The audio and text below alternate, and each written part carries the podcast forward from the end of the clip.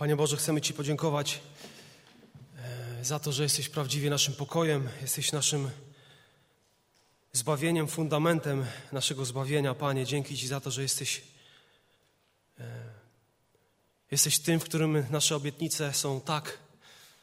Panie, dziękujemy Tobie za ten przywilej, kiedy możemy jeszcze zgromadzać się wokół Twojego słowa.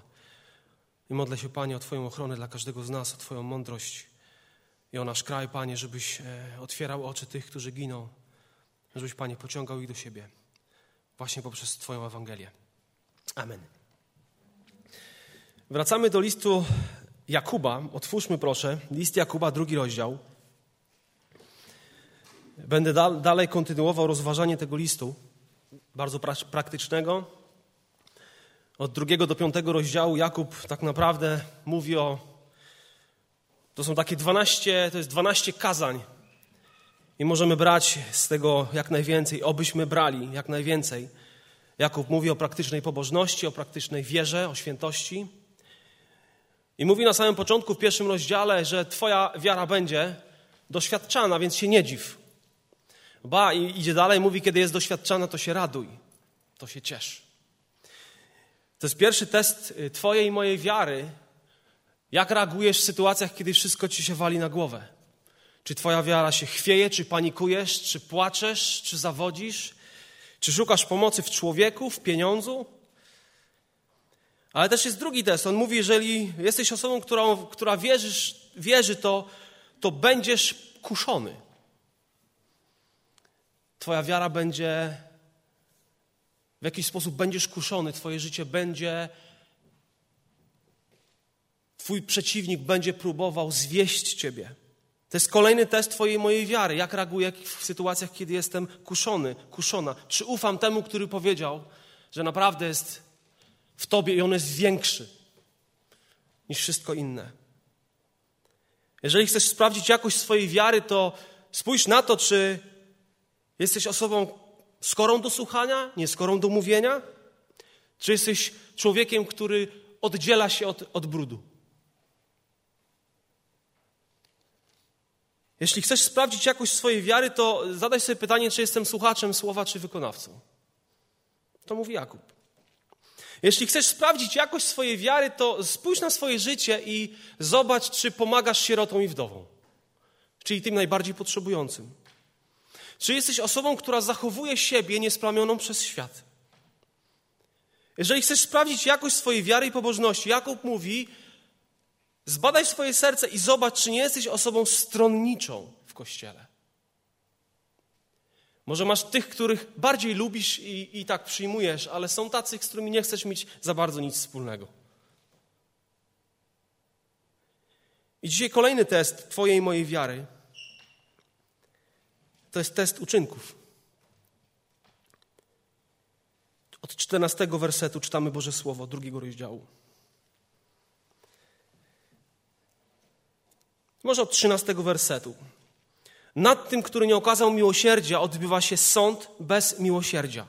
Miłosierdzie góruje nad sądem. Cóż to pomoże, bracia moi, jeśli ktoś mówi, że ma wiarę, a nie ma uczynków? Czy wiara, taka wiara może go zbawić? Jeśli brat albo siostra nie mają się w co przyodziać i brakuje im powszedniego chleba, a ktoś z was powiedziałby im, idźcie w pokoju, ogrzejcie się i nasyćcie, a nie dalibyście im tego, czego ciało potrzebuje, cóż to pomoże? Taki wiara, jeżeli nie ma uczynków, martwa jest sama w sobie. Lecz powie ktoś, ty masz wiarę, a ja mam uczynki. Pokaż mi wiarę swoją bez uczynków, a ja ci pokażę wiarę z uczynków moich. Ty wierzysz, że Bóg jest jeden, dobrze czynisz. Demony również wierzą i drżą. Chcesz przeto poznać, nędzny człowieku, że wiara bez uczynków jest martwa? Czyż Abraham, praojciec nasz, nie został usprawiedliwiony z uczynków, gdy ofiarował na ołtarzu Izaaka, syna swego? Widzisz, że wiara współdziałała z uczynkami jego i że przez uczynki stała się doskonała. I wypełniło się pismo, które mówi: I uwierzył Abraham Bogu, i poczytane mu to zostało ku usprawiedliwieniu i nazwany został przyjacielem Boga. Widzicie, że człowiek bywa usprawiedliwiony z uczynków, a nie jedynie z wiary. W podobny sposób i Rahab, nierządnica, czyż nie z uczynków została usprawiedliwiona, gdy przyjęła posłów i wpuściła ich inną drogą? Bo jak ciało bez ducha jest martwe, tak i wiara bez uczynków jest martwa. Jakub pisze do wierzących pochodzenia żydowskiego, którzy wiecie, jaką mieli etykę, w co wierzyli, przede wszystkim uczynkowość. Wyobraź sobie człowieka, który próbuje ze wszystkich sił, stara się czynić dobrze, ale zawsze w jakimś momencie zawiedzie i pojawia się poczucie winy. Pojawia się być może złość na siebie i ta świadomość, że no jestem za słaby. I do takich ludzi, do Żydów doszła Ewangelia, cudowna Ewangelia Bożej łaski. Cudowna Ewangelia, która mówi o, o wierze, która jest podstawą usprawiedliwienia. Wiara. I byli w tym czasie ludzie, którzy tak mocno pochwycili tą nową koncepcję usprawiedliwienia z wiary, że zaczęli twierdzić, że tylko ona się liczy. Ten fakt zaakceptowania, że Jezus jest moim zbawicielem. Uczynki to było wcześniej, kiedyś, teraz to się nie liczy. To jest błąd. I Jakub używa dosyć silnego języka w tym, w tym fragmencie. Języka debat tamtych czasów. Wiara. Greckie pistis to jest pewność, mówiąc, wyjaśniając, to jest jakieś zaufanie. I w tym czasie posiadało kilka znaczeń. Wiara wiązało się z zaangażowaniem na przykład w kult jakiegoś Boga albo w kult cesarza. W tym czasie też zdarzało się, że składano śluby, że się będzie dotrzymywać obietnic bóstwom. Był pewien rytuał składania wierności cesarzowi albo temu czy innemu Bogu. Wiara, wierzyć, znaczy ufać, polegać na, być zależnym od, mieć wiarę w. I kiedy czytasz ten fragment, to masz świadomość tego, że chyba Jakub mówi naprawdę inaczej niż Paweł, prawda? Bo czytamy, że tutaj usprawiedliwienie z uczynków w przypadku Rahab i Abrahama. O co chodzi? I kiedy weźmiesz apostoła Pawła i list do Rzymian i weźmiesz list Jakuba, to ci ludzie nie, nie stoją w sprzeczności, oni nie walczą, nie stoją naprzeciwko siebie i nie uderzają w siebie. Tak naprawdę oni stoją ramię w ramię. I pokazują tą samą prawdę w inny sposób. Jakub mówi, że jest wiara, która jest martwa.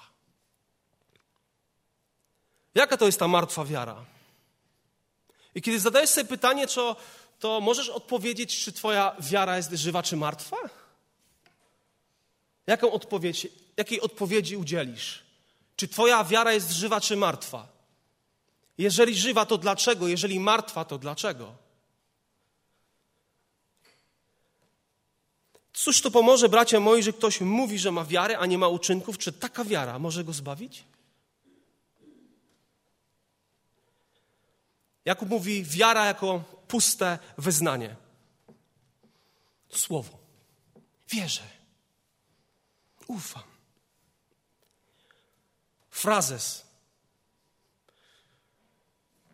Jakub tutaj kładzie nacisk nie na prawdziwą naturę wiary, a bardziej na taką podróbkę wiary. Mówi o martwej wierze. Kupa gadania bez działania. I zobaczcie, jest powiedziane, jeśli ktoś mówi. Nie jest powiedziane, że ten człowiek ma wiarę, ale on mówi, że ma wiarę. I dzisiaj żyjemy w czasach, w których naprawdę osoby mówią, że mają wiarę, mówią, że znają Boga, mówią, że mu się podobają, ale to są tylko i wyłącznie słowa. Dlatego, że za tymi słowami zupełnie nic nie idzie. Nic za tym nie stoi. Jakub zadaje pytanie, czy taka wiara, takie wyznanie może człowieka zbawić, usprawiedliwić, zmienić? Wiemy, że nie.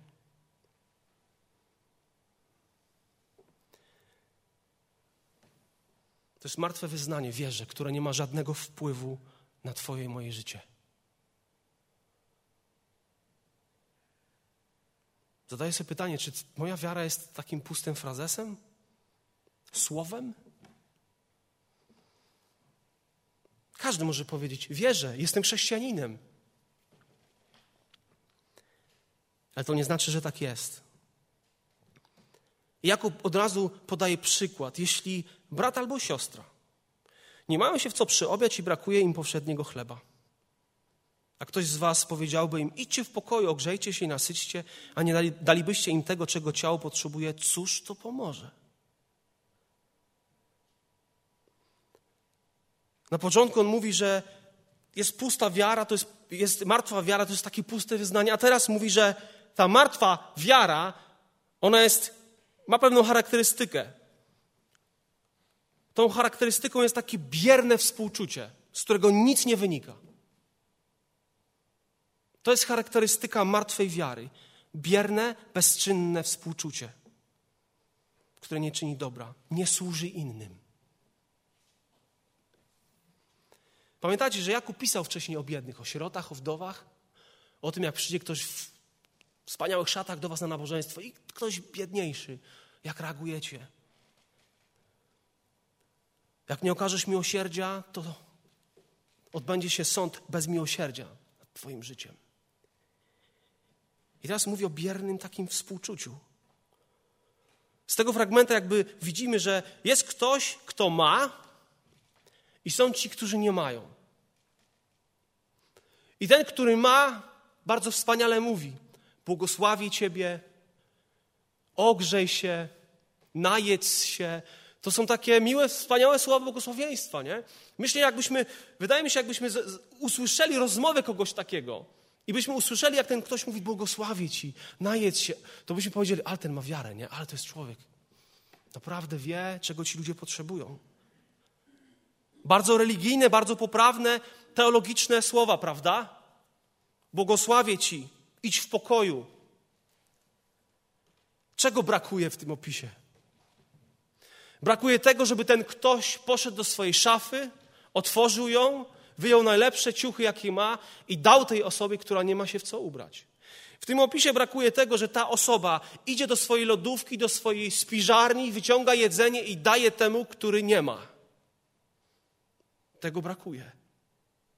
Ale są piękne słowa, jest współczucie. I zobaczcie, to, że ta osoba mówi idź w pokoju, ogrzej się i najedz, to znaczy, że ona wie, czego ci ludzie potrzebują.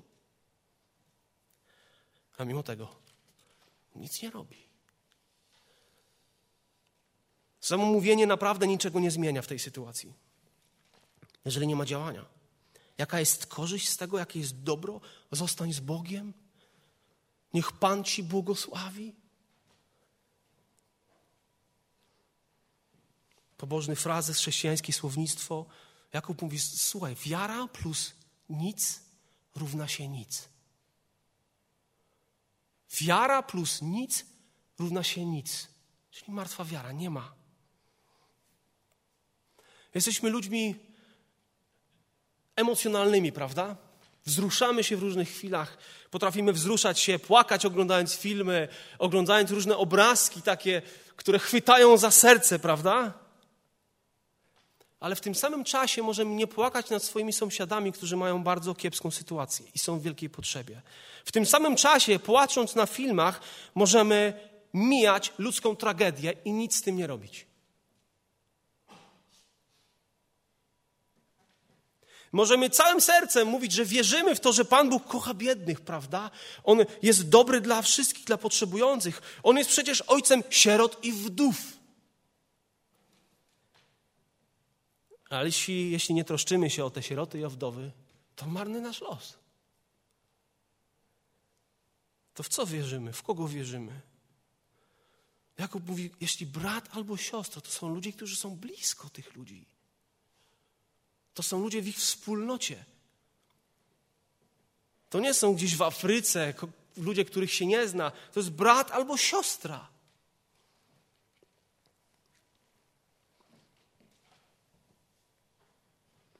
Twoja i moja wiara nie demonstruje się tylko w Twoim życiu modlitewnym, moim życiu modlitewnym. Twoja i moja wiara nie zobaczysz jej tylko w studium Biblii, w tym, że przychodzisz na nabożeństwo. To jest dobra rzecz. Ale tak naprawdę tą wiarę musi być widać w codziennej trosce o najbliższych i najbardziej potrzebujących. Bo taki był Jezus. Bo taki był nasz Zbawiciel. I czasami to, co możemy zrobić, to krótko. Módl się mniej, więcej rób. I może to bardzo źle brzmi, ale modlitwa czy czytanie słowa to może być taki substytut działania.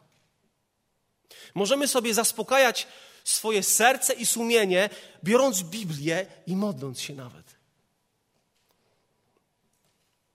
Można tak żyć. Oczywiście modlitwy nigdy nie za wiele, ale gdy zastępuje działanie, to jest, to jest widoczny problem, to jest poważny problem. Apostoł Paweł mówił, że ci, którzy uwierzyli, oni muszą starać się celować w dobrych uczynkach. To jest dobre i użyteczne dla ludzi. Jakub mówi, że jest pewien niezwykły dowód prawdziwej wiary. Prawdziwa wiara produkuje coś, co możesz zidentyfikować, nazwać, określić, ocenić, odwołać się do tego.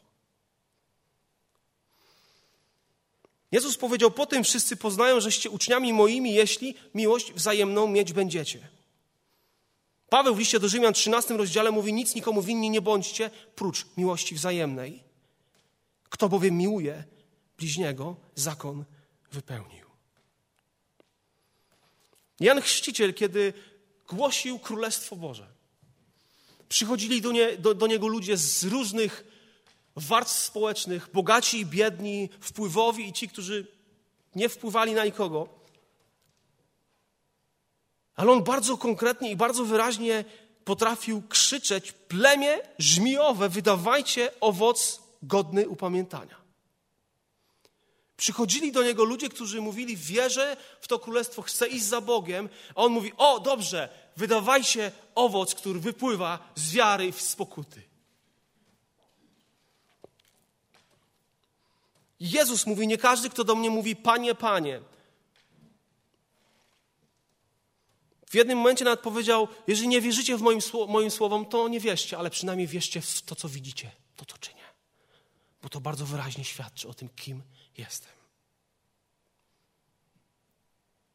Po tym poznaliśmy miłość, że On za nas oddał życie swoje i my winniśmy życie oddawać za braci. I dalej Święty Jan mówi w trzecim rozdziale swojego listu, pierwszego listu, w siedemnastym wersecie: Jeśli zaś ktoś posiada dobra tego świata, a widzi brata w potrzebie i zamyka przed nim serce swoje, jakże w nim może mieszkać miłość Boża? Dzieci, miłujmy nie słowem ani językiem, lecz czynem i prawdą. I myślę, że każdy z nas zna historię o miłosiernym Samarytaninie którą opowiedział Pan Jezus w Ewangelii Łukasza, 10 rozdziale. Ktoś zadał pytanie Jezusowi, kto jest moim bliźnim? I Pan Jezus powiedział historię o człowieku, który został napadnięty, poraniony i na pół umarły, pół żywy, zostawiony gdzieś tam przy drodze. Przypadkiem tamtędy przechodził kapłan, zobaczył, co się dzieje, przeszedł obok. Z pewnością pędził do świątyni wykonywać swoją służbę. Później przeszedł Lewita, który również był na pewno zaangażowany w służbę, zobaczył tego człowieka i przeszedł mimo. A później przyszedł Samarytanin, który za bardzo nie powinien mieć nic wspólnego z Żydem. A ten, który leżał, był Żydem. Zobaczył, ulitował się nad nim, opatrzył jego rany oliwą, winem, wziął go na swoje zwierzę, zawiózł do gospody, dał pieniądze, dwa denary i powiedział: Ja muszę dziś teraz jechać, ale daję ci tu pieniądze, gospodarzu. Troszcz się o tego człowieka, ja wrócę, wszystko ureguluję później. I Pan Jezus zadaje pytanie, jak myślisz, kto był bliźnim tego człowieka? Tak sobie myślę, że jeżeli bliźni, Pan Jezus powiedział, że bliźnim jest ten, kto właśnie pomógł. Zwykły bliźni tak postępuje. To jaką postawę mają ci, którzy prawdziwie mają Bożą naturę w sobie? o ile bardziej powinni przewyższać to. Skoro zwykły bliźni tak postępuje. Mateusza 25 rozdział, rozdział, który trzęsie niektórymi ludźmi, byłem głodny, a nie daliście mi jeść, byłem w więzieniu, a nie odwiedziliście mnie. List do Rzymian mówi o tym w drugim rozdziale. O Bogu, o sądzie i mówi, który odda każdemu według uczynków Jego. Jest pewne kryterium Bożego Sądu. Na podstawie naszych uczynków będziemy sądzeni. Zobaczcie, że Pan Bóg, kiedy będzie czas sądu, nie spyta się ludzi: Słuchaj, w co ty wierzyłeś? Że jestem jeden bardzo dobrze, że jestem jeden w trójcy, o super, że jestem wszechmogący, ekstra, że jestem wszędzie pięknie, wspaniale. Tylko on zadaje bardzo proste pytanie: Byłem głodny, co zrobiłeś? Byłem w potrzebie, co uczyniłeś? Nie obchodzi cię to, w co ja wierzę? Że jesteś dobry, że jesteś wspaniały, że jesteś miłosierny, jesteś święty i sprawiedliwy. Naprawdę, Panie Boże, ci to nie obchodzi?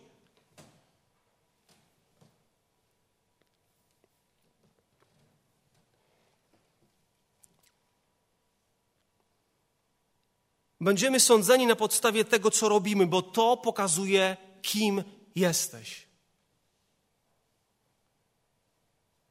To, co robisz, to pokazuje, kim jesteś albo kim nie jesteś.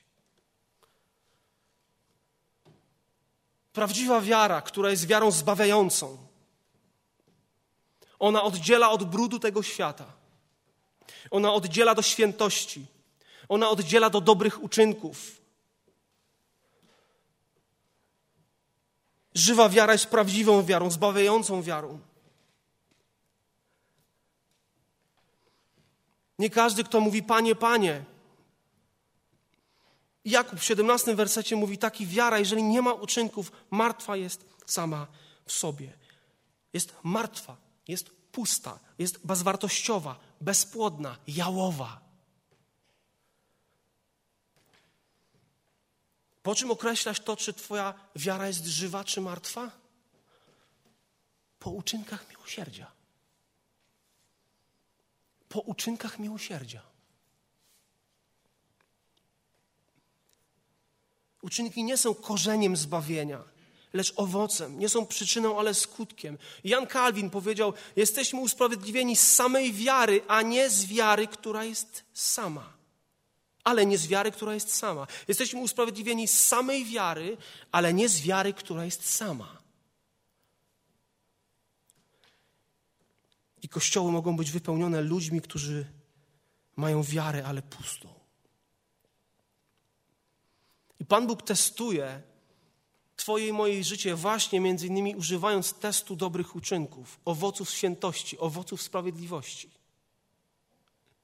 Wiemy, że bez uświęcenia nikt nie ujrzy Pana Boga. Są osoby, które potrafią przybierać pozór pobożności, a kiedy patrzysz na ich życie, tam jest zaprzeczenie pobożności. I w osiemnastym wersecie Jakub mówi: Jest taka sytuacja, tak jakby z kimś rozmawia, jakiegoś ma rozmówcę, lecz powie ktoś: Ty masz wiarę? A ja mam uczynki. Pokaż mi wiarę swoją bez uczynków, a ja ci pokażę wiarę z uczynków moich. Jak myślicie, czy można tak zrobić?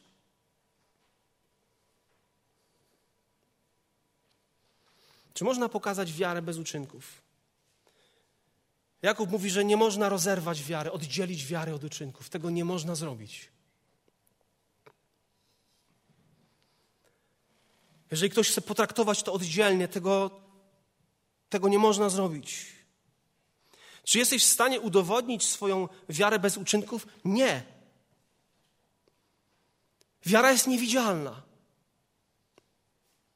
Nie możesz spojrzeć na kogoś i wejrzeć, do, nie mamy takiej zdolności wejrzenia do serca i, i teraz co? Ona jest niewidzialna.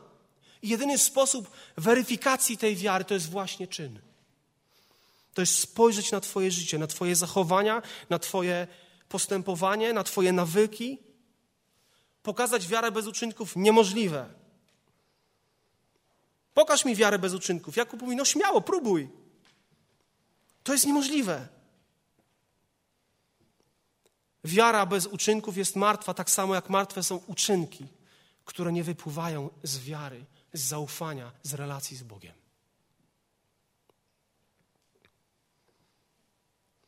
Jeżeli jesteś Bożym dzieckiem, masz nową naturę. Przez Ducha Świętego Pan Bóg zamieszkał w Tobie i we mnie. Niezwykła jakość, której nie można podrobić. Zamieszkało w Tobie Boże życie, które rodzi, które jest widoczne, którego nie można pokonać, nie można zagłuszyć. To jest życie, które, które będzie rodzić i ono rodzi. Można przeszkadzać temu życiu. Można budować mury wokół tego życia. Ale ono nie przestaje rodzić. Nigdy. I pytanie do mnie, pytanie do ciebie, czy ktokolwiek widzi Twoją i moją wiarę? Nie, czy ktokolwiek słyszy moje wyznanie. Czy ktokolwiek widzi moją wiarę? Twoją wiarę. Jakub mówi: Martwa wiara to jest puste wyznanie. Jej charakterystyką jest bezczynne, takie współczucie, z którego nic nie wynika. To jest wszystko bezwartościowe i dalej idzie do fragmentu bardzo trudnego i z jednej strony też przerażającego.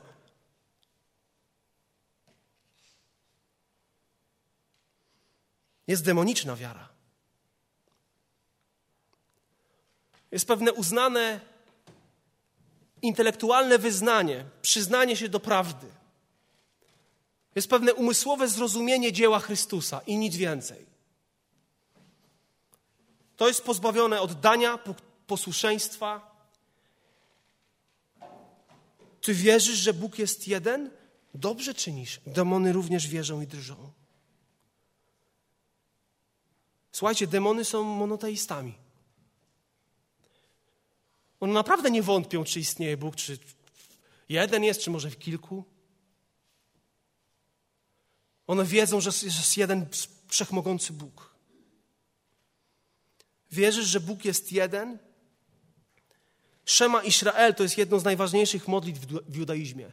Ono właśnie mówi o tym, że Pan Bóg jest jeden, jedyny wiekuisty, a więc będziesz go miłował z całego serca i tak dalej. Żydzi dwa razy dziennie, rano i wieczorem powtarzali tą modlitwę. Szema Israel, słuchaj Izraelu, Pan Bóg jest jeden. Kochaj go z całym sobą. To Szema Israel składa się z, ze słów z piątej księgi Mojżeszowej, z szóstego rozdziału, jedenastego rozdziału, z księgi też liczb, piętnasty rozdział. Pobożny czytował, cytował to i myślę, że to jest też podstawa chrześcijaństwa. Będziesz miłował Pana Boga swego z całego serca, prawda?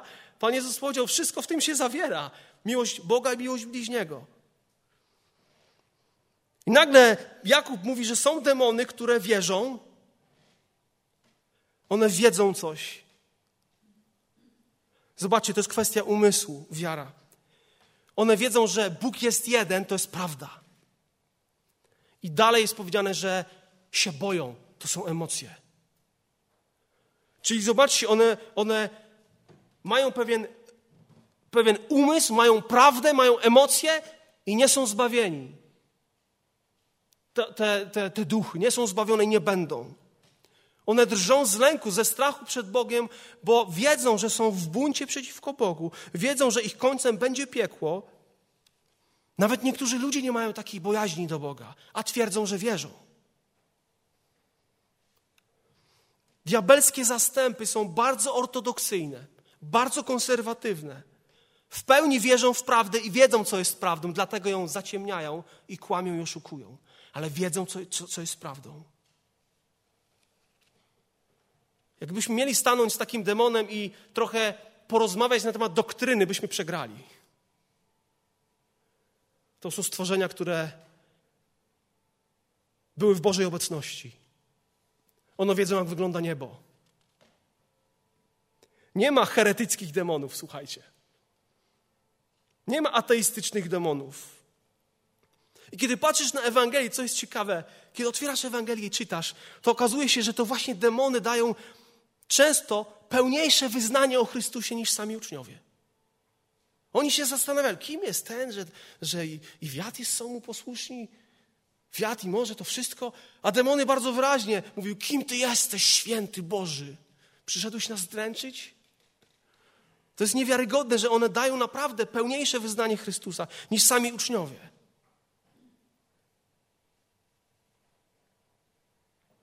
możesz mieć właściwe myśli, możesz znać prawdę, możesz się nawet bać, możesz mieć emocje i nie być osobą zbawioną.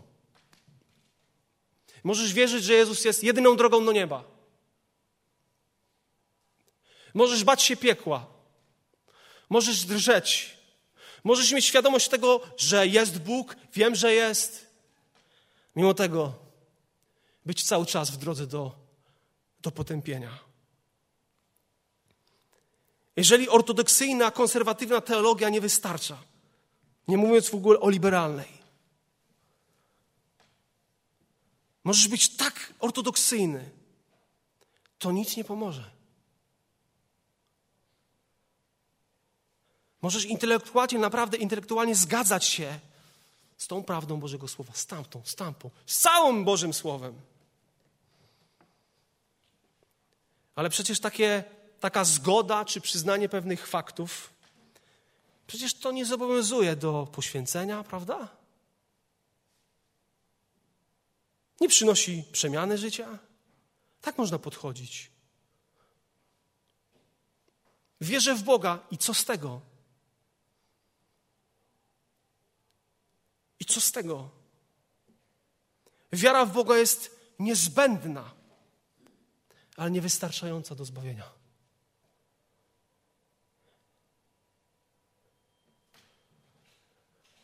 Demony doskonale wiedzą, do czego ma prowadzić prawda. Prawda ma prowadzić do posłuszeństwa. Prawda musi prowadzić do zaangażowania. Prawda musi prowadzić do poddania, do podporządkowania się Bogu. I oni tego nie mają. I oni tego nie chcą. Oni są w buncie. Twoja i moja wiara jest zakorzeniona w jednej osobie w osobie Jezusa Chrystusa. Czy ufasz Jezusowi? Żywej osobie, nie jakiejś doktrynie, Chrystus jest osobą, nie jakąś koncepcją. Czy ufasz Jezusowi? Czy naśladujesz Go? Czy Twoja wiara spoczywa na Chrystusie? Czy czerpiesz od Chrystusa? Czy jesteś osobą posłuszną Chrystusowi, zależną od Niego, podobającą się Jemu? Czy masz relację z Chrystusem, którą rozpocząłeś właśnie od pokuty, od wiary? Nie od pustego wyznania i od emocji, po których niczego nie było. Jeżeli wiara nie wiąże się z zaufaniem, po którym naprawdę widać przemianę życia, to ona nie jest prawdziwa, nie jest żywa. Czy Twoja i moja wiara to jest po prostu jakieś kredo, w które wierzę? Czy coś za tym idzie? Wierzenie to jest za mało, dopóki nie zostaniesz przemieniony, narodzony na nowo. Wierzenie to za mało, jeżeli dopóki nie będzie nowych narodzin. Dopóki nie będzie owoców tych narodzin. Możesz wierzyć, nie mieć zbawienia. Jaki to przykry stan człowieka. Możemy wołać: Jezus jest Panem. Ale jeśli, jeśli nie poddaję tego swojego życia, które mam od Boga, Jemu jako Panu, jeśli nie jestem posłuszny temu Panu, to jaką mam wiarę? Pustą, martwą. Jest pewna historia o tym, jak Lucyfer zwołał swoje spotkanie wszystkich najwspanialszych demonów i zaczęli rozmawiać o tym, że chcą w jakiś sposób zmusić zrobić, żeby człowiek przestał wierzyć w istnienie Boga? Co mogą zrobić? Jeden demon zaczął mówić o tym, że chciał przekonać ludzi, że Jezus nigdy nie istniał, a więc nie ma w co wierzyć, w kogo wierzyć, to jest osoba fikcyjna. No, jeden pomysł. Drugi demon zasugerował, że może przekonać ludzi, że, że śmierć kończy wszystko. A więc nie trzeba się martwić o życie Umierasz, koniec, nie ma niczego. Ale jeden z najbardziej inteligentnych demonów powiedział: Powinniśmy Przekonać ludzi, że jest Bóg, że istniał Chrystus. Powinniśmy przekonać ludzi, że wiara w Niego zbawia.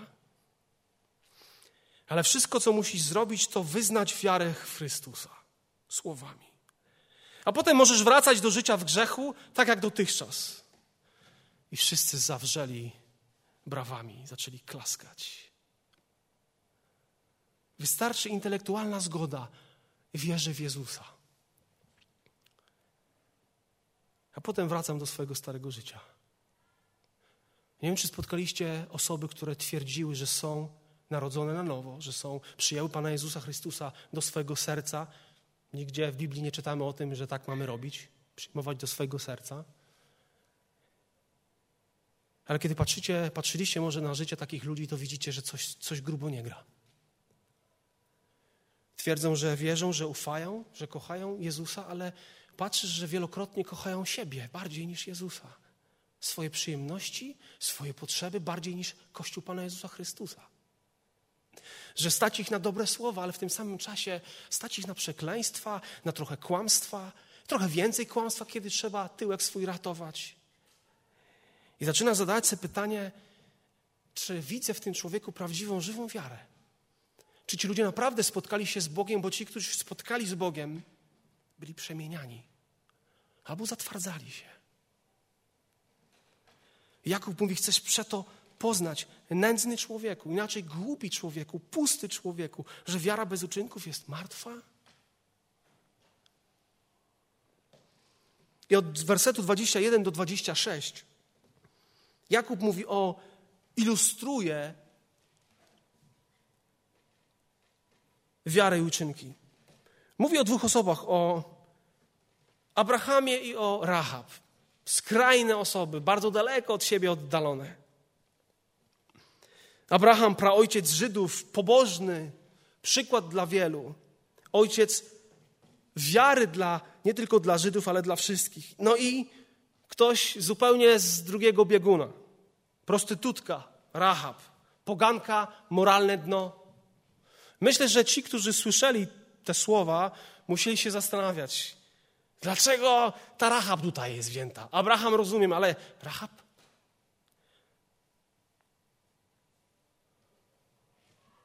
Dlaczego używa akurat tych dwóch przykładów, tak skrajnych? Patrzysz na Abrahama i możesz myśleć, nie jestem taki dobry jak on nigdy nie będę. Patrzysz na Rahab i możesz pomyśleć, nie jestem tak zły jak ona.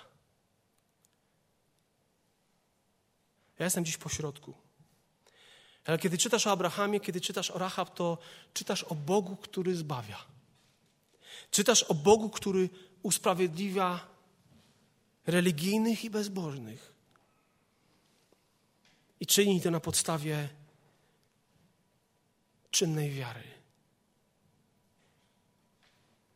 Kiedy czytasz ten fragment, to mówisz, coś tutaj nie gra. Usprawiedliwiony z uczynków, gdy ofiarował na ołtarzu Izaaka syna swego? Masz kilka pytań. Paweł w liście do Rzymian mówi, że Abraham był usprawiedliwiony z wiary, a Jakub mówi, że z uczynków. Oboje cytują, cytują fragment z pierwszej księgi Mojżeszowej. I masz kilka pytań. Czy Abraham został usprawiedliwiony? Tak czy nie?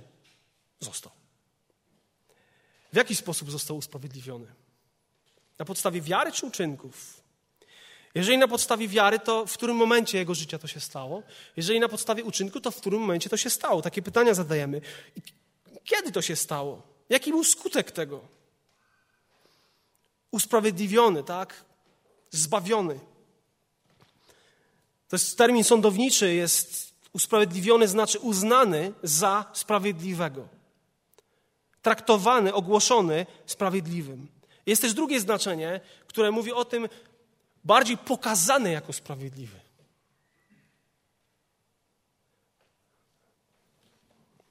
To, o czym mówi Jakub, znajdziemy w 22 rozdziale pierwszej księgi Mojżeszowej.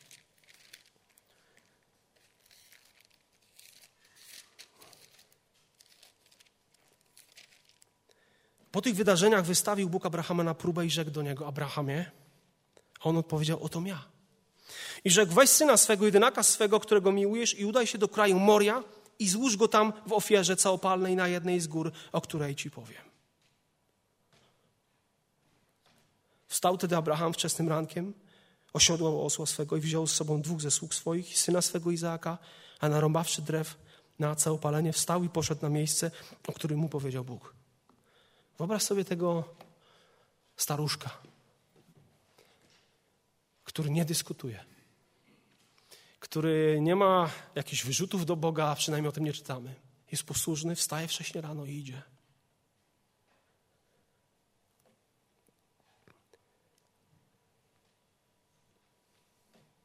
Czy Abraham został usprawiedliwiony przed Bogiem? Właśnie kiedy to się stało? Czy w tym 22 rozdziale to się stało? Kiedy Abraham został usprawiedliwiony?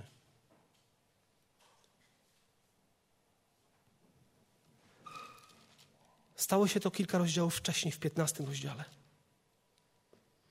Kiedy Pan Bóg wezwał Abrahama i powiedział: Spójrz na niebo. Widzisz te gwiazdy? Tak liczne będzie Twoje potomstwo. I wtedy uwierzył Panu, a On mu poczytał to ku usprawiedliwieniu. Abraham został usprawiedliwiony, kiedy jeszcze Izaaka nie było. Zaufał Bogu. Powiedział: Ja ufam Tobie, ja wiem, że tak będzie. Ja chcę z Tobą żyć. Ja chcę, żeby Twoja wola realizowała się w moim życiu. Ja zrobię wszystko, żeby tak było.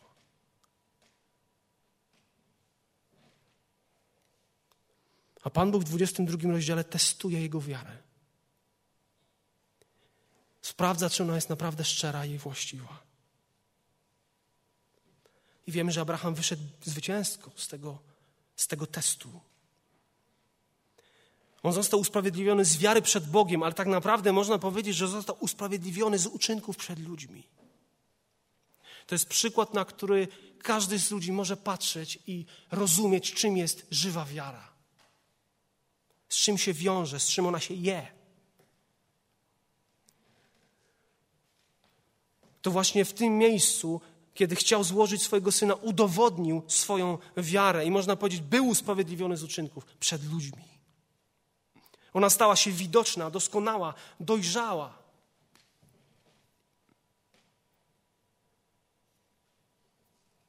I wiemy, że Abraham nie został usprawiedliwiony, gdy ofiarował syna swojego, bo on go nie ofiarował, prawda? Jakub mówi, Jakub mówi o tym, że został usprawiedliwiony z uczynków, gdy ofiarował na ołtarzu Izaaka. Przecież on tego nie zrobił, nie zabił go, nie było ofiary, prawda? A więc czy on został usprawiedliwiony z uczynku? Nie, on potwierdził swoją wiarę tym uczynkiem który chciał zrobić. Nie było ofiary z Izaaka. Przecież Pan Bóg go powstrzymał, ale gdyby go nie powstrzymał, to byłaby ta ofiara złożona z jego syna. Pan Bóg nie chciał śmierci, to nie, było, to nie jest jego charakter. Nie chodziło mu o krew Izaaka. Nie złożył swojego syna w ofierze Abraham.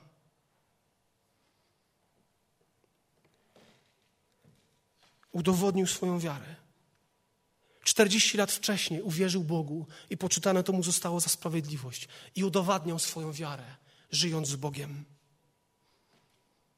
I Pan Bóg, kiedy już podnosił nóż, Abraham powiedział później, powstrzymał go i powiedział: Bo teraz wiem, to mówi Bóg, bo teraz wiem, że boisz się Boga, gdyż nie wzbraniałeś się ofiarować mi jedynego syna swego. Bo ja teraz wiem. Poszedł za Bogiem, był posłuszny Bogu bez względu na koszta. Wyobraź sobie tyle lat czekania, obietnice. I nagle koniec tego wszystkiego. Ale list do Hebrajczyków mówi, że Abraham był przekonany, że Pan Bóg ma moc wzbudzić Izaaka, że wróci do swoich sług z, martwych zbudzonym Izaakiem. On miał taką świadomość, bo Bóg mu coś powiedział, bo Bóg mu coś obiecał i nie zawahał się.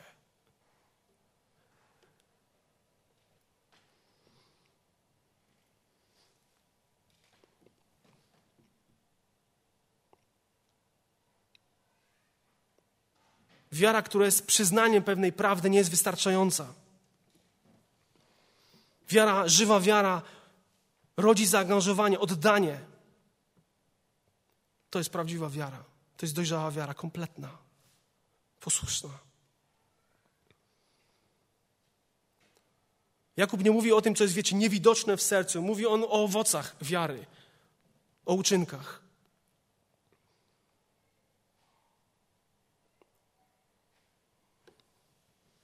Paweł, kiedy, kiedy pisze o wierze, to pisze o priorytecie, pierwszeństwie wiary, a Jakub o dowodzie wiary.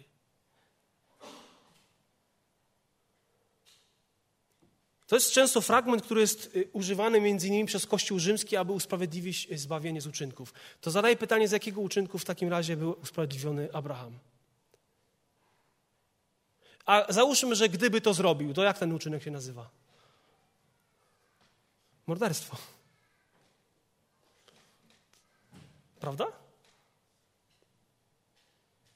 Gdyby zabił swojego syna, to się nazywa morderstwo. Y, z tego został usprawiedliwiony, z takiego uczynku? Nie.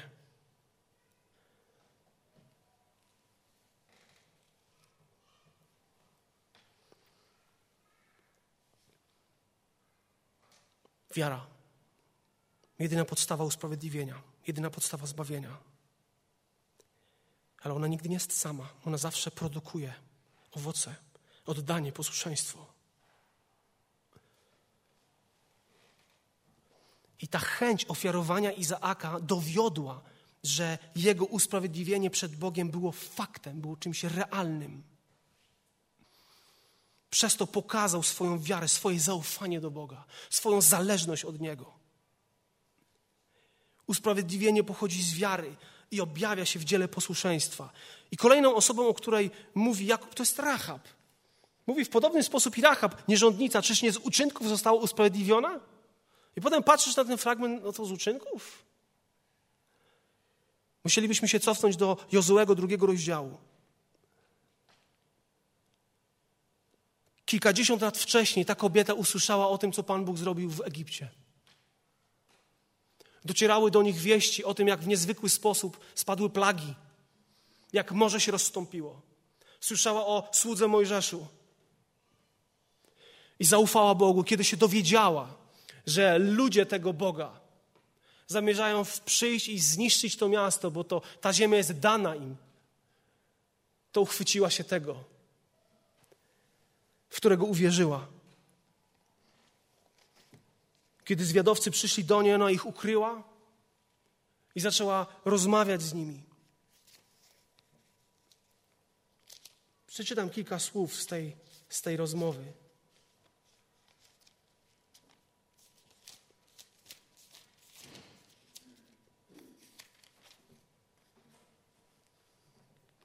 I rzekła do nich: Wiem, że Pan dał wam tę ziemię, gdyż padł na nas strach przed wami, wszyscy, wszystkimi mieszkańcami tej ziemi. Wszyscy drżą przed wami. Słyszeliśmy bowiem, że Pan wysuszył przed wami wodę Morza Czerwonego. Gdy wychodziliście z Egiptu i co uczyniliście obu królom omorejskim po tamtej stronie Jordanu, Sychonowi i Ogowi, których obłożyliście klątwą na zagładę.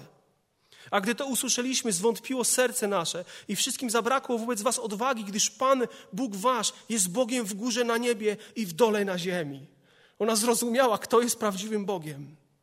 Nie ci te bożki, które wyznawała wcześniej. Ona zobaczyła, kto jest prawdziwym Bogiem. Więc przysięgnijcie mi teraz na Pana, że jak ja okazałam wam łaskę, tak wy również okażcie łaskę domowi mojego Ojca i dajcie mi po rękę. Zobaczcie, jej wiara nie była bezużyteczna. Ona działała, ona ukryła, ona ich spuściła przez szatę czerwoną, wysłała ich i czekała na ratunek.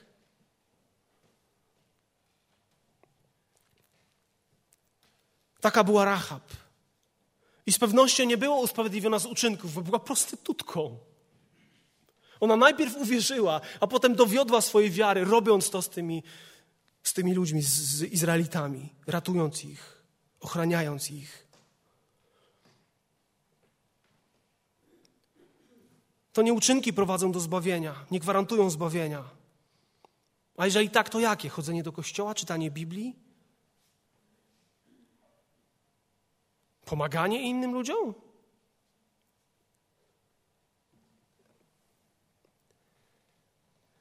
Wiara. Ona łączy się z nowym narodzeniem. Ona łączy się z, z tą nową Bożą naturą, z odkupieniem człowieka.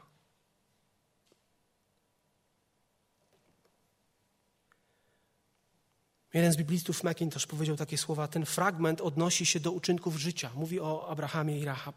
Ten fragment odnosi się do uczynków życia, a nie uczynków prawa. Jeżeli usuniemy element wiary z uczynków Abrahama i Rahab, okaże się, że były to złe uczynki. Przyjmij, przyjmij je jako owoc wiary, jako uczynki dające życie. Te fragmenty nie możesz użyć na poparcie zbawienia z uczynków, jak to robi Kościół rzymski. Faktycznie Abraham nie zabił swojego syna. Gdyby usprawiedliwienie było z uczynków, Abraham zostałby usprawiedliwiony drogą morderstwa, a Rahab drogą zdrady.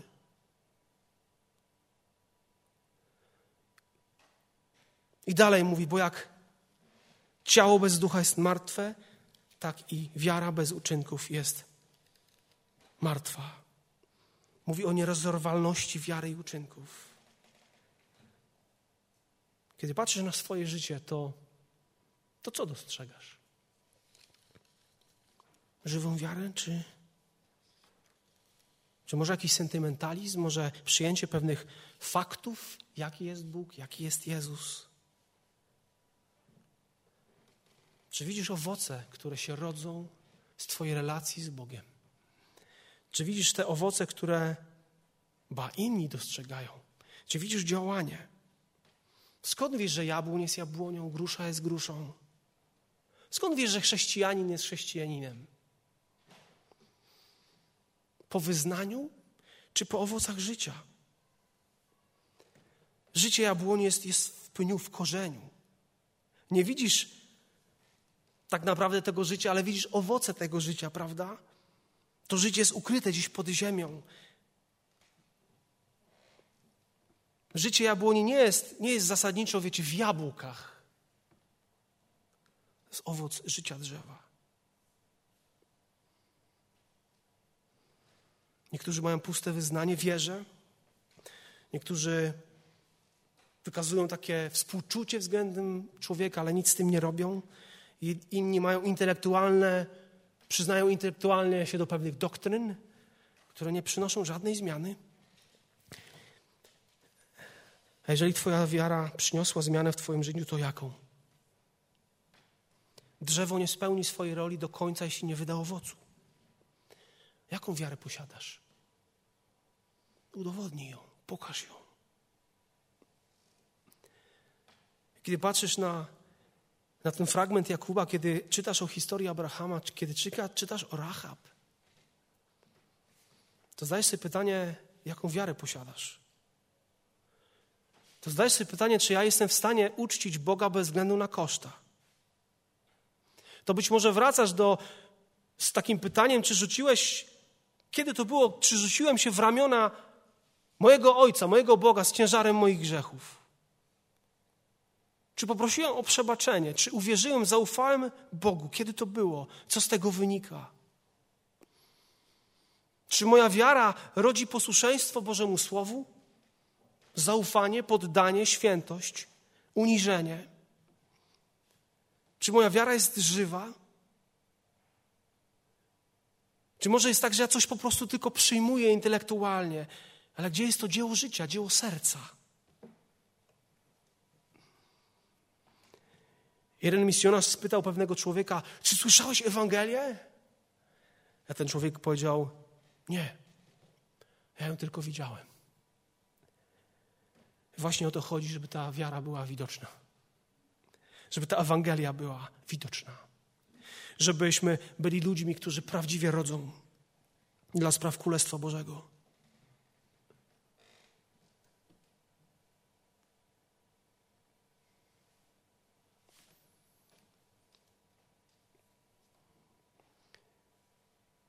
Może bardziej, kiedy patrzysz na ten fakt, bardziej przypominasz, utożsamiasz się z Abrahamem.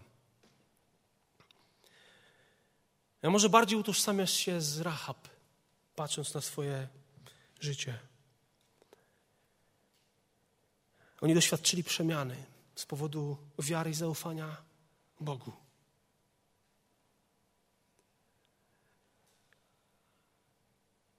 wiele, wiele lat później na górze Moria, jeden ojciec złożył swojego syna. Wszechmogący ojciec w tym samym miejscu, na górze Moria, złożył swojego syna Jezusa Chrystusa. Możesz to przyjąć jako fakt. Możesz w to uwierzyć i nic z tym nie zrobić, ale możesz mu zaufać. Możesz go poprosić. Możesz wylać przed nim swoje serce z wyznaniem win grzechów. Możesz poprosić o nowe życie. Możesz poprosić o wiarę, o żywą wiarę, o wiarę, która będzie widoczna w moim życiu, bo żadnej innej nie chcę.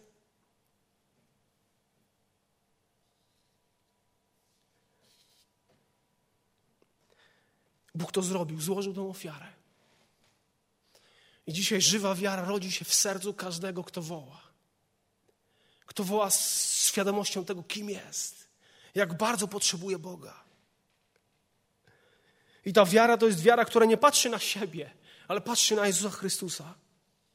To jest wiara, która zgadza się z Bogiem, z Bożym Słowem i wewnętrznie, i na zewnątrz. To jest wiara, która sama w sobie, ona nie jest jakimś uczynkiem, który zasługuje teraz na nagrodę od Pana Boga. To jest wiara, która po prostu odrzuca kłamstwa na temat Boga. Ona nie jest dobrym uczynkiem, ale jest po prostu obecnością jakiegoś grzesznego uczynku, brakiem. To jest wiara, która jest ugruntowana na tym, co zrobił Pan Jezus Chrystus na Golgocie i co się stało trzy dni później. Wiara, którą daje Bóg, to jest wiara, która w naturalny sposób jest połączona z pokutą i z dobrymi uczynkami. To jest wiara, która czasami wątpi, ale te wątpliwości nigdy nie są większe od niej samej. To jest wiara, która czasami woła: Wierzę, pomóż niedowiarstwu memu. To jest wiara, która chce, aby inni również przyszli do wiary. Również mieli tą żywą wiarę. To jest wiara, która nie mówi tylko Panie, Panie. To jest wiara, która nie tylko słucha Słowa Bożego, ale to jest wiara, która czyni, która żyje. Czy potrzebujesz takiej wiary? Czy masz taką wiarę? która rodzi, rodzi, rodzi.